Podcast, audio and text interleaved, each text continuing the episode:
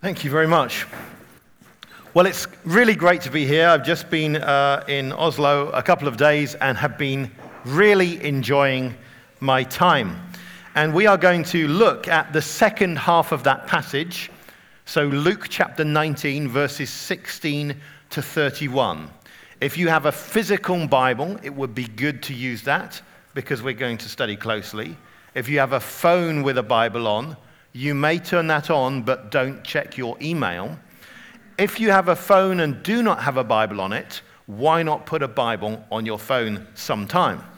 So let's think about this passage. It's an amazing uh, story which comes in a context. And the context is at the beginning of chapter 15.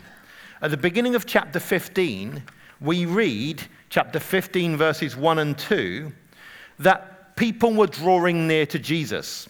In fact, there were two groups of people there were tax collectors and sinners, who were one group, and then there were Pharisees and experts in the Bible, scribes who came.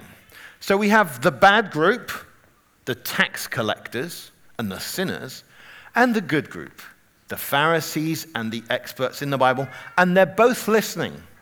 And the way Jesus tells this story is rather like in the Pixar cartoons. You know, the Pixar cartoons work so that the children can watch and enjoy it, but the adults can also watch and see a deeper level of meaning. And Jesus tells this story so that if this is the first time you hear this story, and you know nothing else, it makes sense. But also, if you're an expert in the Bible, it makes a lot more sense. It has a deeper level of meaning. We also see that we've had two stories about rich men. Chapter 16, verse 1 says, There was a rich man, and he had a, a steward who wasted his possessions. Here we have a rich man who feasted all of the time. But also, that first story was a story of a man who wasted possessions. And just in the previous chapter, we've had the story of a son who ran away and wasted things. In other words, we have lots of connections between these stories. Well, what do we know about the rich man? Essentially, we know two things, just two things. One, he had fabulous clothes, not like me, but really fabulous clothes. His clothes were purple and fine linen. The second thing is that he lived in luxury every day. It seems that he feasted every day, he ate a lot. And that's all it tells us. Now, in England, I imagine it's the same in Norway, we have glamour magazines or magazines about the rich. And they tell you about the yachts that they have and all of the, uh, the, the, the house and all of the description. And even though people aren't as rich, they want to read about this. They're very interested to know how the super rich live. Why does Jesus not tell us that? Because that's actually boring. It really isn't as interesting as you think. He tells us the two essential things he has, a, he has luxurious clothes, and he has this food, great food that he eats every single day. Now, think about the Pixar principle. He's explaining this story, but if you're a Bible expert at this point, you might be thinking, ah, where in the Bible is the one place where we get linen and purple together. There's only one other place that we get it together with feasting, and that is Esther chapter 1. Esther chapter 1, verse 6. There is a king called Ahasuerus, or sometimes Xerxes. There's a king who has a feast for 180 days, a huge feast. And it says in chapter 1, verse 6, that there is purple and there is linen. So if you're a Bible expert, you think in your head, you do the concordance, and you analyze and say, aha. So, in other words, this man is living like a king.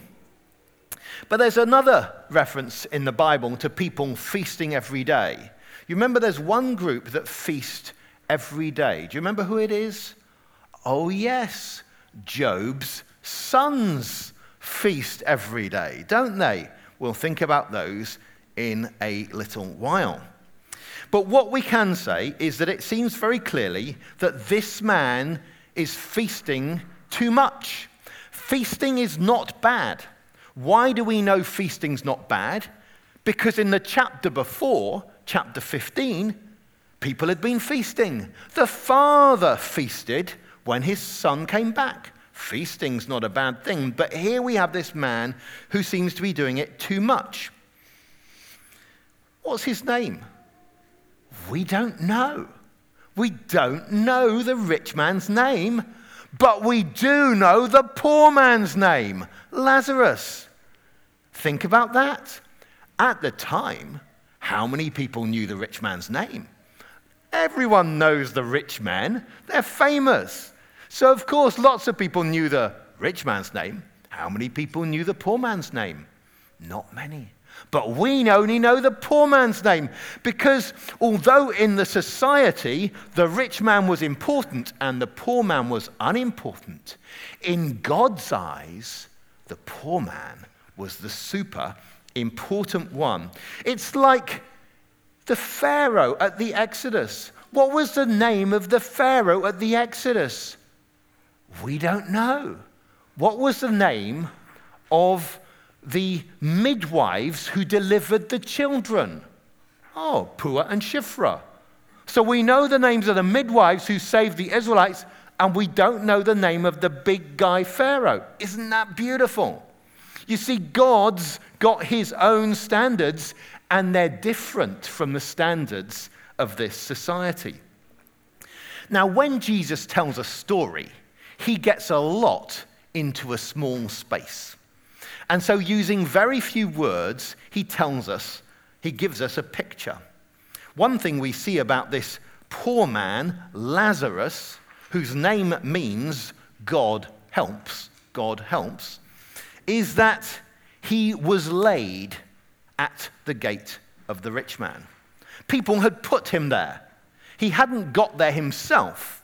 So clearly, in addition to being poor, he had a disability, a mobility disability. He could not get there. He lay there having been put there by others. So he is in a very poor way. People put him there because it looked like a strategic place, because they, people knew there was a rich man inside. So if you put the poor man at the gate of the rich man, the rich man has plenty to give the poor man. That looks like good strategy, doesn't it? One thing we know about the rich man, one more thing, he had a gate. One gate.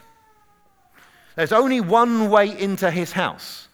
Every time he goes in and out of his house, he sees the poor man, he sees Lazarus. He can't avoid seeing Lazarus.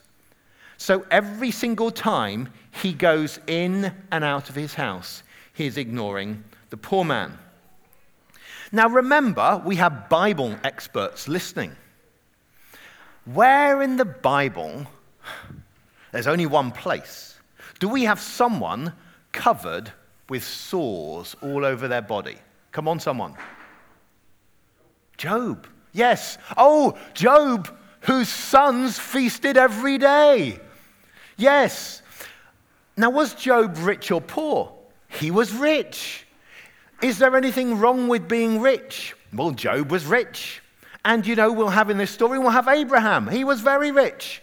So there's not a problem in itself with being rich. But what we see is that this man, Lazarus, was covered with sores and he was in pain, and meanwhile, the rich man is feasting every day. You know, Job could say, Job chapter 31, verse 16 and following, we won't look at it now, Job 31. Job says he never ignored the poor. Job could say he was rich, but he never ignored the poor. He could say that before God. This man, this rich man, is very different. Now, Luke, when you read through Luke's gospel, you'll see often there's a reverse. We see this already in chapter 1. In chapter 1, Mary says, He's filled the hungry with good things, the rich he's sent away empty. In chapter 6, Jesus begins his sermon, Blessed are you poor. He then says, Woe to the rich. Now, we need to be nuanced because Abraham was rich and Job was rich. But the rich man's problem here was not mere wealth, he also was so selfish. But then we read that Lazarus longed to be filled with the food that came from the table. Now, where else in the Bible, near here, do we get someone longing to be filled? Oh, yes, it's the chapter before, where the runaway son longed to be filled with what the pigs ate. Here we have this, this man, the poor man, longing to be filled with what came from the table, and guess what? Along came the dogs and licked him. Interestingly, we have unclean animals in chapter 15, the pigs, unclean animals here in chapter 16, the dogs. There's a verse in Matthew where Jesus uses dogs and pigs together, doesn't he? Don't throw your pearls before the pigs, the swine.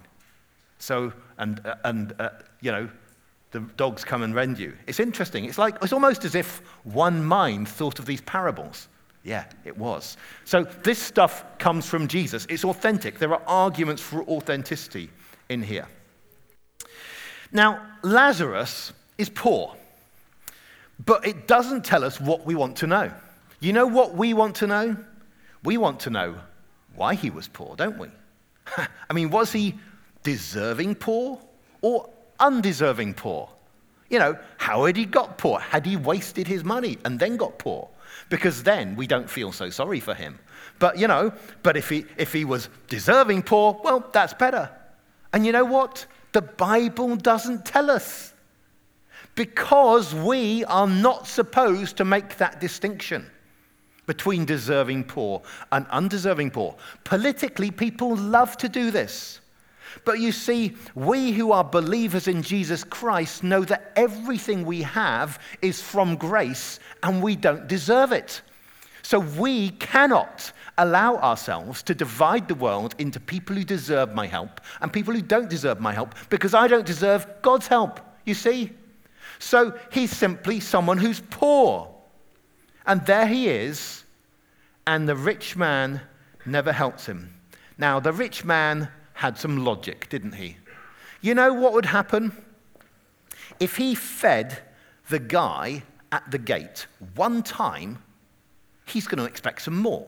It just never stops. You'd have to feed him one meal, and then another the next day, and again and again and again. So it's better not to start, you know, because then he'll be dependent. You really better harden your heart because you can't sustain that. Well, actually, he could because he feasted luxuriously every day, which means there's an abundance. He could sustain it, but he decided to harden his heart and decided, no, he's not going to take that commitment.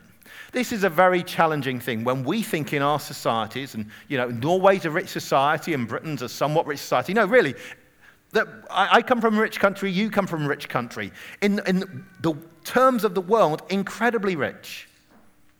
And we often harden our hearts against people because we say, Do they deserve my help or not? Please don't think like that. Verse 22 The poor man died and was carried by the angels to Abraham's side. The rich man died and was buried. What a verse! Who died first? Well, of course, the poor man. The poor usually die first. This is the way life is. The poor man died. But you know what? When he died, he was carried by angels to be with Abraham. It's an amazing picture. The rich man died and he was buried. Now it's interesting, it says the rich man was buried, it doesn't say the poor man was buried. Maybe he didn't get buried. That would be terrible. The rich man got the world's attention, but Lazarus got the VIP treatment from God. You know, God sent the angels to collect Lazarus and bring him up to Abraham's side. And, and there we see that he is so close to Abraham. Now, translations vary as to how they describe it. Is it Abraham's side or his lap? How, how should we think of it?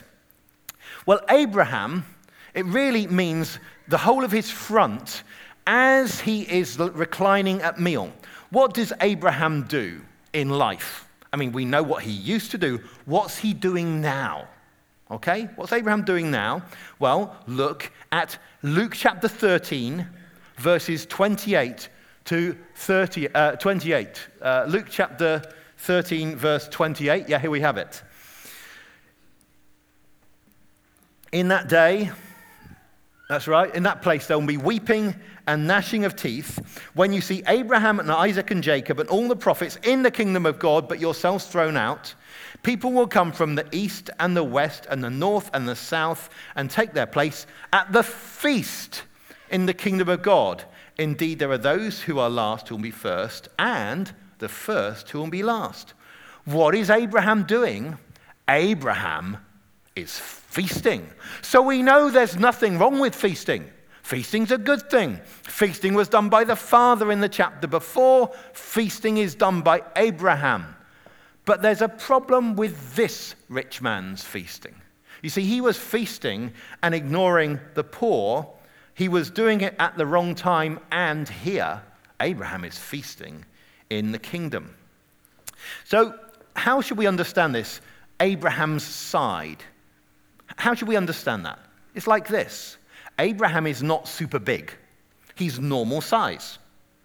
And if he's reclining at a meal, that means there is only one space next to Abraham. This is the same expression which is used in John chapter 13, verse 23, for the beloved disciple being next to Jesus. He's reclining at the meal, and there's only one space next to him. And guess who got the space? Well, was it Moses? No. Was it David? No. It was Lazarus. That's scandalous. I mean, if there's one place, I mean, next to Abraham. I mean, of all the people I would like to meet from the Old Testament, I think Abraham is number one. I mean, he is just like such a big figure in the Old Testament. That would be the top place to have a seat. And who has got it? Lazarus. Isn't that outrageous that he has got the seat? What a reversal of everything we know on earth. And where is the rich man? Verse 23. Literally, he's in Hades. That's the, the Greek word, Hades. Why would Jesus use a Greek word like this?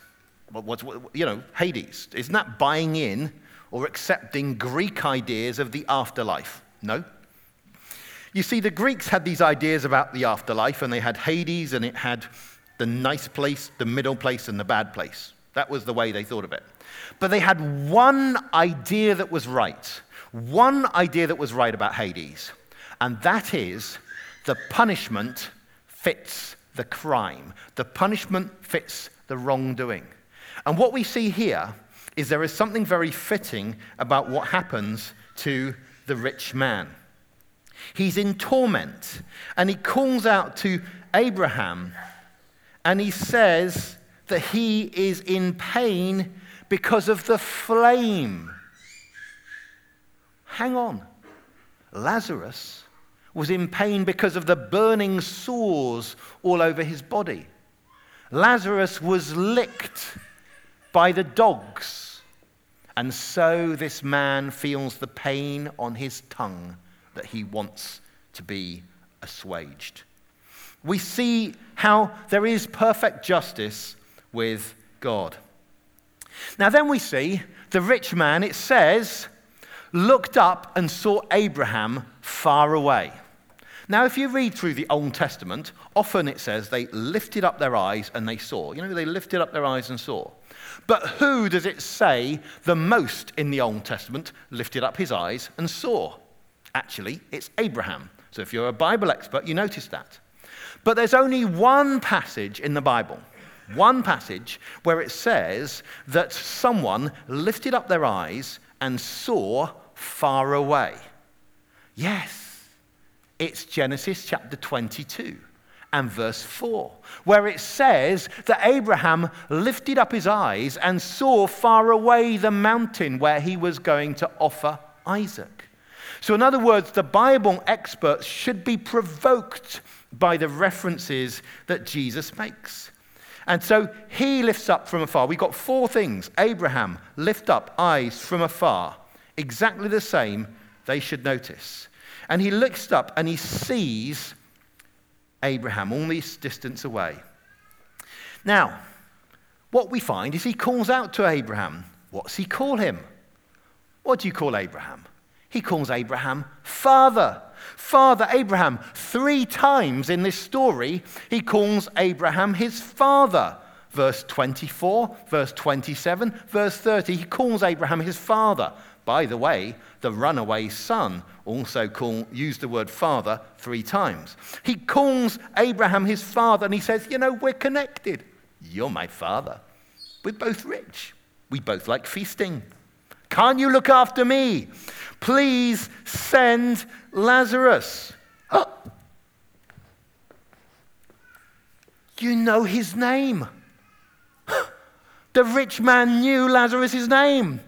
Please send Lazarus.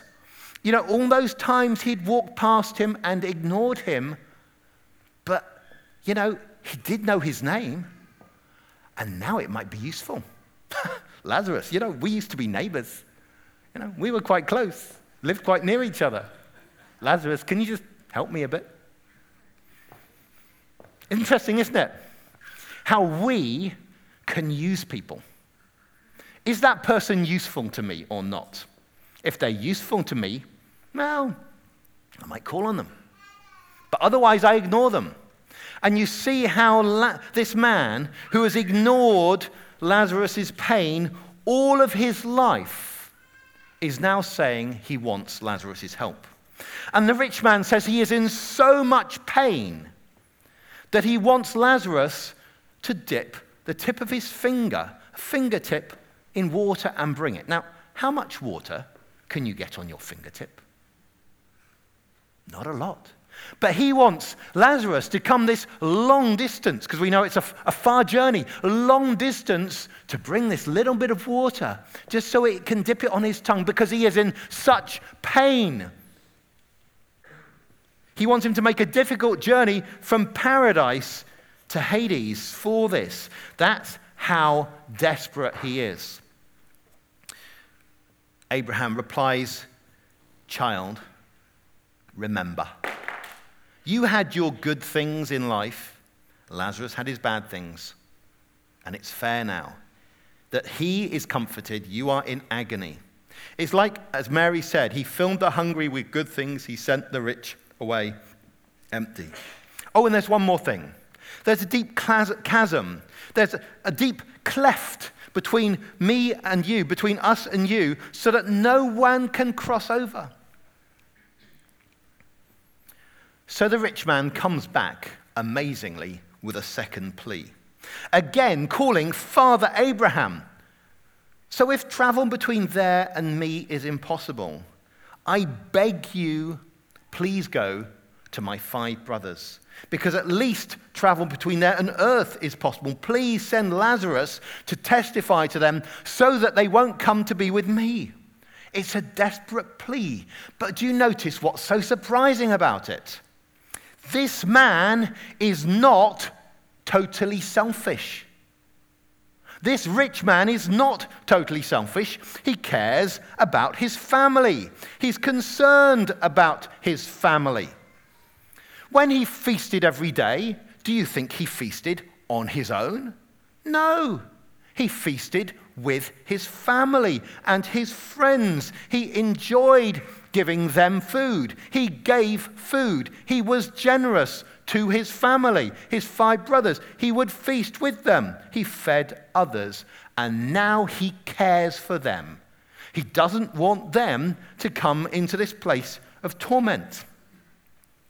But you see, he's made a terrible mathematical mistake.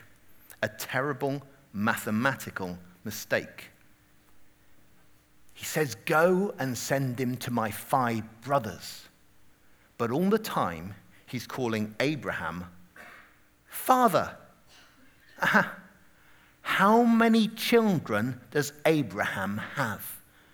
Well, if he had read the five books of Moses, he would know that in fact Abraham had innumerable offspring, so many offspring that no one could count them. So, what he cannot do is say, Abraham is my father, but Lazarus is not my brother. You see, if Abraham is his father, Lazarus is his brother too. And if he doesn't accept Lazarus as his brother, then Abraham is not his father. You know, it's easy for us to be kind to our inner circle. We make a circle of people we find it easy to be kind to our friends, our family. But you see, if the scribes and the Pharisees don't accept the tax collectors and sinners as their brothers, they cannot really claim God as their father. And that's why Abraham says they've got Moses and the prophets. Let them listen to them. There's abundant testimony in them of what they should do. And then the rich man calls out, No, Father Abraham. Now, by the way, you don't say no to Abraham. You know, no, Father Abraham. They'll believe if someone rises from the dead. Abraham says no. If they don't believe the scriptures, they won't believe if someone rises from the dead. And as we read on in the gospel, we see there is someone who rises from the dead and who testifies to two people on the road to Emmaus that the scriptures are all about him. The scriptures have enough that we should see that he is alive. We don't need, if someone performs a miracle, that shouldn't be any more than we need just from the scriptures. How are we to apply this story to our lives? Three things the story doesn't teach us. So, three things it doesn't teach us, then three things it does teach us. Number one, it doesn't mean it's wrong to be rich because God is rich, Abraham's rich, Job is rich. It doesn't mean it's wrong to feast. God feasts, Abraham feasts, even Job feasts. And it doesn't mean you get to heaven by being poor. I mean, that's not what the passage is teaching. But it does teach us three positive things. Firstly, about money. Secondly, about family. Thirdly, about the Bible. Money, Bible, family. The problem isn't being rich, the problem is love of money. The deceitfulness of riches. Matthew chapter 13, verse 22, talks about how riches are deceitful. There are other passages that talk about how riches actually trick us. Now, we like to think we're rational, but actually, riches deceive every single one of us. And we need to recognize this. You know, it says in the parable of the, the sower here, as for what's sown among the thorns, this is the one who hears the word, but the cares of the world and the deceitfulness of riches choke the word and it proves unfruitful. There's another passage in 1 Timothy chapter 6, verses 6 to 10. It says this But godliness with contentment is great gain, for we brought nothing into the world, and we can take nothing out of it. But if we found food and clothing, we'll be content with that. Those who want to get rich fall into temptation and a trap, and into many foolish and harmful desires that plunge people into ruin and destruction. For the love of money is a root of all kinds of evil.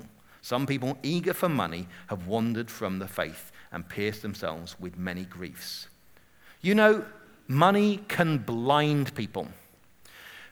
Just before this parable, there was another passage. Remember the one about the unjust steward? And the unjust steward was not, he was thinking selfishly, But he recognized he only had a short time left with the money. Only a short time left with the money. So he used the money now to get friends for later.